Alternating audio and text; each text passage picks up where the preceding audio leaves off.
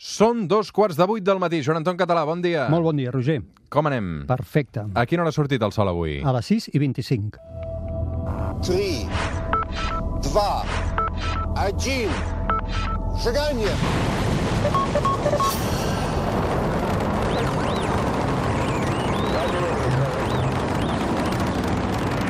One small step for man,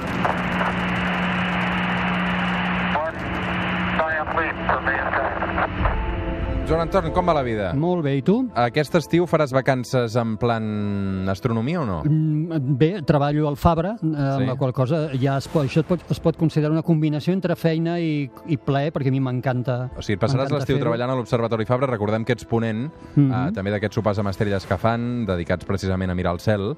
Um, per tant, no marxes, eh, entenc? Marxo una setmana, marxaré una setmana a fer altres coses que m'agraden, que són els animals, a un parc nacional Ah, sí? Animals? africà. Sí. Què dius? Es pot explicar on? Sí, a Kruger, a la Sud-àfrica, al Parc Nacional Kruger. Carai, tu.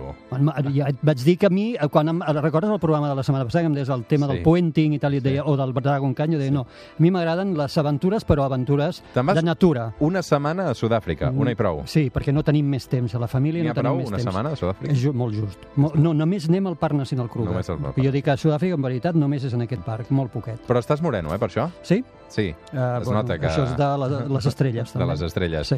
Amb el Joan Anton Català, cada dia a l'hora que surt el sol, mirem cap al cel, i avui la veritat és que no sé cap on anem. Joan Anton, què ens has preparat? Mira, doncs et diré el lloc on anem en tres pistes. A veure, anem pris- a, pistes. a un planeta que té pràcticament la mida idèntica a la Terra. Molt bé. Mida idèntica de la Terra. Um, mida idèntica de la Terra. Vols la segona pista? Puc descartar Mar? Eh, Pots descartar Mar, molt bé. Puc descartar Plutó? Sí, i tant. Perquè I tant. molt bé, sí, seria sí, més petit, molt no, petit, Plutó? Molt petit. Puc descartar Júpiter, que seria més gran? Molt bé, vas molt bé. M'has dit que puc descartar... Planetes, eh? Planetes, planetes. planetes. En queden alguns encara. Sí. Podria ser... A veure, dona'm una altra Mira, pista. La segona, si la Terra fos el cel, aquest planeta seria l'infern. Fa calor. Moltíssima calor. Ara ja el saps, eh? Ara ja el saps. Podria ser... És que Mercuri és més petit que la Mercuri Terra, és no? més petit. Per tant, és més gran que la és Terra. més gran que la Terra, o igual que la Podria Terra. ser Venus. Podria ser Venus. A veure, última pista. Mira, l'última, que ja t'ho confirmarà, és l'únic planeta que té nom de dona. Venus és nom de dona. The night sky once ruled my imagination. Now I turn I amb aquesta bonica banda sonora de Venus, avui viatgem fins al planeta de l'infern. Per què? Perquè, clar, les temperatures són increïbles. És el planeta més càlid del sistema solar, 460 graus. Riu-te'n fon- de les onades de calor que vivim al planeta sí, Terra, eh? Sí, sí, ara ho hi penses. Fonen qualsevol metall. O sigui, qualsevol metall dels que coneixem, estaria, dels habituals, vull dir, estarien fosos a la superfície de Mart. Mm. Ai, de Venus, perdona. De Venus. Um, com pot ser que tingui aquestes temperatures tan altes? Perquè a pesar de que... Mer- Perquè no és el que està més a prop del no, Sol, no? és Mercuri, que està més a prop, però a pesar d'això, el que té Venus és una enorme eh, atmosfera d'efecte hivernacle. Una atmosfera molt més densa que la nostra, 92 vegades més densa, formada per eh, CO2 i per vapor d'aigua Mm. i per àcid sulfúric. Al, al damunt és una atmosfera supercorrosiva i tot això són eh, gasos de molt efecte hivernacle. El- L'escalfor del Sol, que és un planeta que està molt a prop del Sol, queda atrapada a dins d'aquesta atmosfera i les temperatures pugen, pugen i pugen. Molt bé. Doncs tot això és el que passa a Venus, on hi fa una calor que espanta, en principi. Um, quan pensem en Venus, segurament, Joan Anton, uh, no ens ve al cap aquest infern, eh? Uh, Venus, com la deessa de l'amor i la bellesa, eh, ja ens evoca un panorama molt diferent al que realment uh, trobem. A què es deu aquest nom? Clar, el, el nom de la bellesa, fixa-t'hi, eh? perquè els antics veien, i encara nosaltres el veiem Venus brillant al cel espectacular. És l'objecte que més brilla en els nostres cels, després, lògicament, del Sol i la Lluna. El veiem, eh, ull nu? Sí, absolutament, i és allò d'una llum que sembla un avió a vegades, o un, un omni, no? que la, brilla moltíssim o bé al vespre o bé a l'alba en funció de l'època de l'any. I, I la seva llum és tan potent que en alguns casos, en registres històrics, fins i tot es deia, cosa que no ha estat mai comprovada, que arribava a fer ombra, cosa que no ha estat mai comprovada, com deia. Tot això va fer que els antics el veiessin amb admiració, aquesta punteta en el cel tan brillant que a més no fa pampallugues, i l'anomenessin com la deessa de la, de la bellesa, Venus. Uh, quan duren els anys i els dies a Venus? Ah, és, és un planeta molt raro. Allà, a l'any, dura 225 dies dels nostres.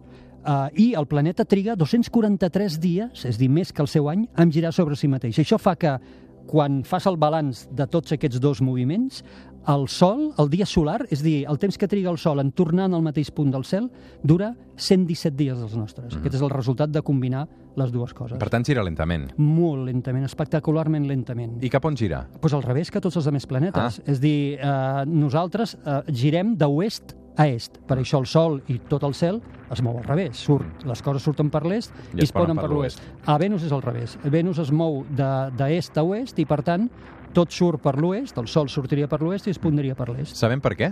Eh, No ho sabem del tot, però eh, al ser tan especial i ser l'únic planeta del sistema solar que ho fa, creiem que l'única raó així mm, raonable és que hagi, hagués patit un impacte en els primers moments de la seva història que l'hagués absolutament desorientat, que l'hagués fet canviar aquest moviment de la, de la nebulosa inicial que totes giraven al mateix eh, sentit. Llavors, que ell giri en contra, mm. sembla ser que és, només pot ser degut a això, a un gran impacte que a lo millor devia patir. Eh, Ens interessa Venus, eh, mm, els humans? Si destinen recursos a esbrinar Mm. No, què hi fa aquest planeta o no? Aquí hi ha molta discussió. En principi ens interessa perquè eh, si no fos per aquesta atmosfera tan bèstia que t'he dit d'efecte hivernacle, Venus, amb la seva dimensió similar a la Terra, tot i que està més propera del Sol, podria arribar-se a pensar que eh, podria ser un món habitable. I en canvi és un infern, és l'infern eh, literalment. Llavors ens interessa entendre què li ha passat a Venus. Ens interessa entendre per què, si sempre Venus ha estat així, si ja va néixer com un infern en aquesta atmosfera, o si bé aquesta atmosfera es va crear després, i per tant, una mica què li podria passar a la Terra en un futur molt llunyà, en funció de... No? Llavors sí que és un planeta que ens interessa. La teva segona pregunta és si estem dedicant eh, suficients recursos. La resposta segurament és no, perquè els pocs recursos que tenim els estem dedicant a Mart. Aquí hi ha la lluita, els científics que defensen seguir apostant per Mart els que defensen apostar per Venus. No podem apostar tot arreu. No hi ha diners, ja ens agradaria. No hi ha diners per apostar tot arreu. Llavors, les grans missions les seguim dirigint cap a Mart perquè allà tenim una aposta important, que és la, la cerca de vida. Mm. De satèl·lits en té? No, no en té. En això també s'assemblaria a la Terra, perquè és que la Terra tampoc no n'hauria de tenir. La Terra, per la dimensió que té, molt similar a Venus, tampoc n'hauria de tenir. Recordem que ja n'hem parlat algunes vegades al programa, que la Lluna no ens la mereixem, o sí que ens la mereixem, però en tot cas és un regal que ens va venir després a partir d'un impacte catastròfic que va patir la jove Terra. Per tant, inicialment la Terra tampoc no en tenia. Uh -huh. I camp magnètic? No, no en té.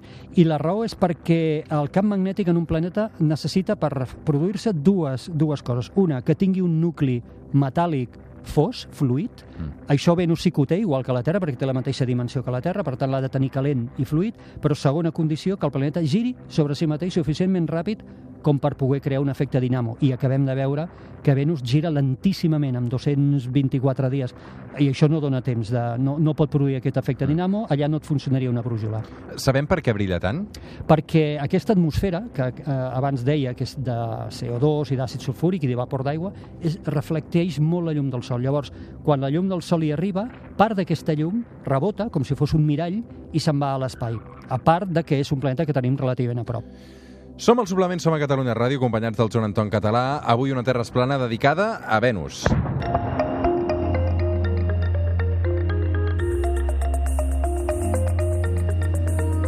Un planeta on hi fa calor, un planeta que és llunyà, però un planeta que es veu a un nu tot sovint, perquè recordo que sempre quan acabem aquest espai i et pregunto què hi passarà al cel aquesta setmana, de tant en tant em dius, doncs mira, Venus es veu fantàsticament Sí, bé. sí, sí, el, el tindrem a l'octubre. No? Aquest Haurem octubre, Haurem d'esperar a octubre, l'octubre per veure estiu, uh, passat estiu, per tant, uh, podrem veure Venus. Um, clar, sent un infern, com és, amb aquestes temperatures tan altes, això de poder-hi destinar recursos a investigar-la deu ser tot més complicat, És no? molt complicat perquè allà les sondes que hem enviat, quan entren a l'atmosfera, simplement són esclafades per l'enorme pressió, 92 vegades més de pressió de la que té la Terra, en la qual cosa sobreviuen molt poquet les sondes. La NASA va ser la primera que s'hi va interessar, abans d'arribar molt, abans d'arribar a la Lluna, i a l'any 62 del segle passat, diríem, eh, van fer arribar-hi, van fer passar-hi una nau que es deia era la Mariner 2, que ens va enviar les primeres fotografies, però els que més s'hi han dedicat són els, els soviètics en el seu moment, els russos.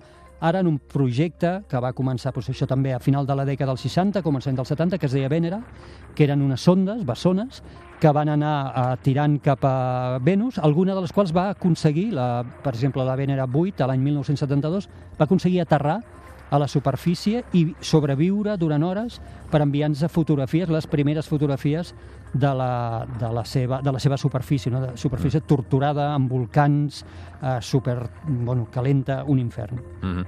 Doncs eh, aquest és el panorama que tenim a l'hora d'explorar Venus. En principi és, és complicat. Ara mateix eh, Donald Trump hi posa algun duro? No, Donald Trump no hi està posant un duro i els que hi estan posant duro són els japonesos, que han agafat el relleu, sembla, dels russos, i eh, en aquest moment tenim una única sonda orbitant Venus, que és la Katsuki, del programa espacial japonès, que està estudiant eh, des de l'òrbita, Venus des de l'òrbita, eh, amb radars i tal, per poder eh, mirar, tenir un ull que traspassi aquesta atmosfera i poder veure què hi passa sota. Mm -hmm. ah, clar, si un dia aconseguim esbrinar per què allà hi fa tanta calor, per què té aquestes temperatures tan altes, mm -hmm. també potser ens serveix per, per saber com la Terra um, es pot acabar eh, destruint a nivell sí, sí. de calor, no? Exacte, perquè és el que dèiem, no sabem si Venus ja va néixer un infern o si va tornar. Uh, sembla que no, hi e, que no ho era així, uh, inicialment. Mm. Tenim pistes en aquest moment que indiquen que hi havia aigua líquida en algun moment en superfície, per tant, no devia ser així Venus quan es devia crear. Uh, algun procés natural devia provocar que Venus esdevingués l'infern que és ara. Entendre aquest procés natural ens és de molt d'interès. Eh? Mm -hmm. No perquè haguem de replicar, espero, el mateix esquema, però sí perquè això, amb escala més petita, potser ja és el que ens ha començat a passar aquí a la Terra. Mm. Doncs, eh, Joan Anton, avui hem dedicat aquest capítol a parlar una bona estona de, de Venus. Abans em deies al Japó, precisament vinculat amb l'actualitat, aquests dies hem sabut que el Japó enviarà l'any 2024 una mm -hmm. sonda per explorar els dos satèl·lits del planeta Mart. Ah, anem a Mart una altra vegada, fixa't, és constant. El tema Mart és constant, fins i tot pels japonesos. Sí, enviaran eh, per primera vegada, primera vegada una missió. A més, s'han anunciat el, el pacte, la col·laboració amb els francesos i els alemanys, les agències especials de França i Alemanya, per, eh, per desenvolupar un aterrador que baixarà en un d'aquests dos satèl·lits. Recordem, Mart té dos satèl·lits, es diuen Phobos i Deimos. Són roques amorfes, petites, per al que nosaltres entenem com a satèl·lits, segurament asteroides capturats antigament pel planeta, i eh, volen eh, enviar una nau japonesa per estudiar-los i la nau japonesa voldrà baixar un aterrador, un dispositiu que estarà fet per tecnologia francesa i alemanya, per explorar eh, un dels dos satèl·lits, segurament el més gran d'ells, que és Phobos. Uh -huh. Doncs eh, tot això pel que fa també a l'exploració de mar. Eh, per cert, parlant de potències um, que posen calés en l'exploració de l'espai, uh -huh. entenc que número 2 Estats Units, sí. no? Um, entenc que número 2 és la Xina? Pot ser, no tinc les xifres, eh? no les tinc, però podria ser perfectament la Xina, però desconec les xifres. Segurament empatada o, o diríem, disputant aquest segon nom, eh, posició amb l'Agència Espacial Europea, mm. els russos, que tenen una, un programa especial de tota la vida, diríem, propi, molt potent. I la Índia? La Índia el té molt... Després vindria Japó, segurament. Japó, Japó ja. seria, seria dels països. I després tindríem a la Índia, amb un programa especial molt complet on estan apostant molt per la Lluna i també per Mart. La Índia té un satèl·lit orbitant Mart, no oblidem, dels sis satèl·lits que tenim orbitant Mart, un és indi, i altres països que han anunciat també missions a Mart, com els Emirats Àrabs, que han anunciat una missió a Mart per la primera meitat de, dels 20. Mm. I, I Espanya?